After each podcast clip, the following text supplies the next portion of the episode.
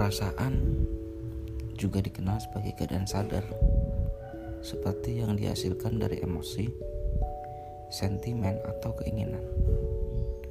Perasaan dapat diartikan berbeda dengan emosi dalam pengerti emosi bersifat universal. Sementara perasaan adalah respon yang dipelajari tentang sebuah keadaan emosi di lingkungan atau kebudayaan tertentu.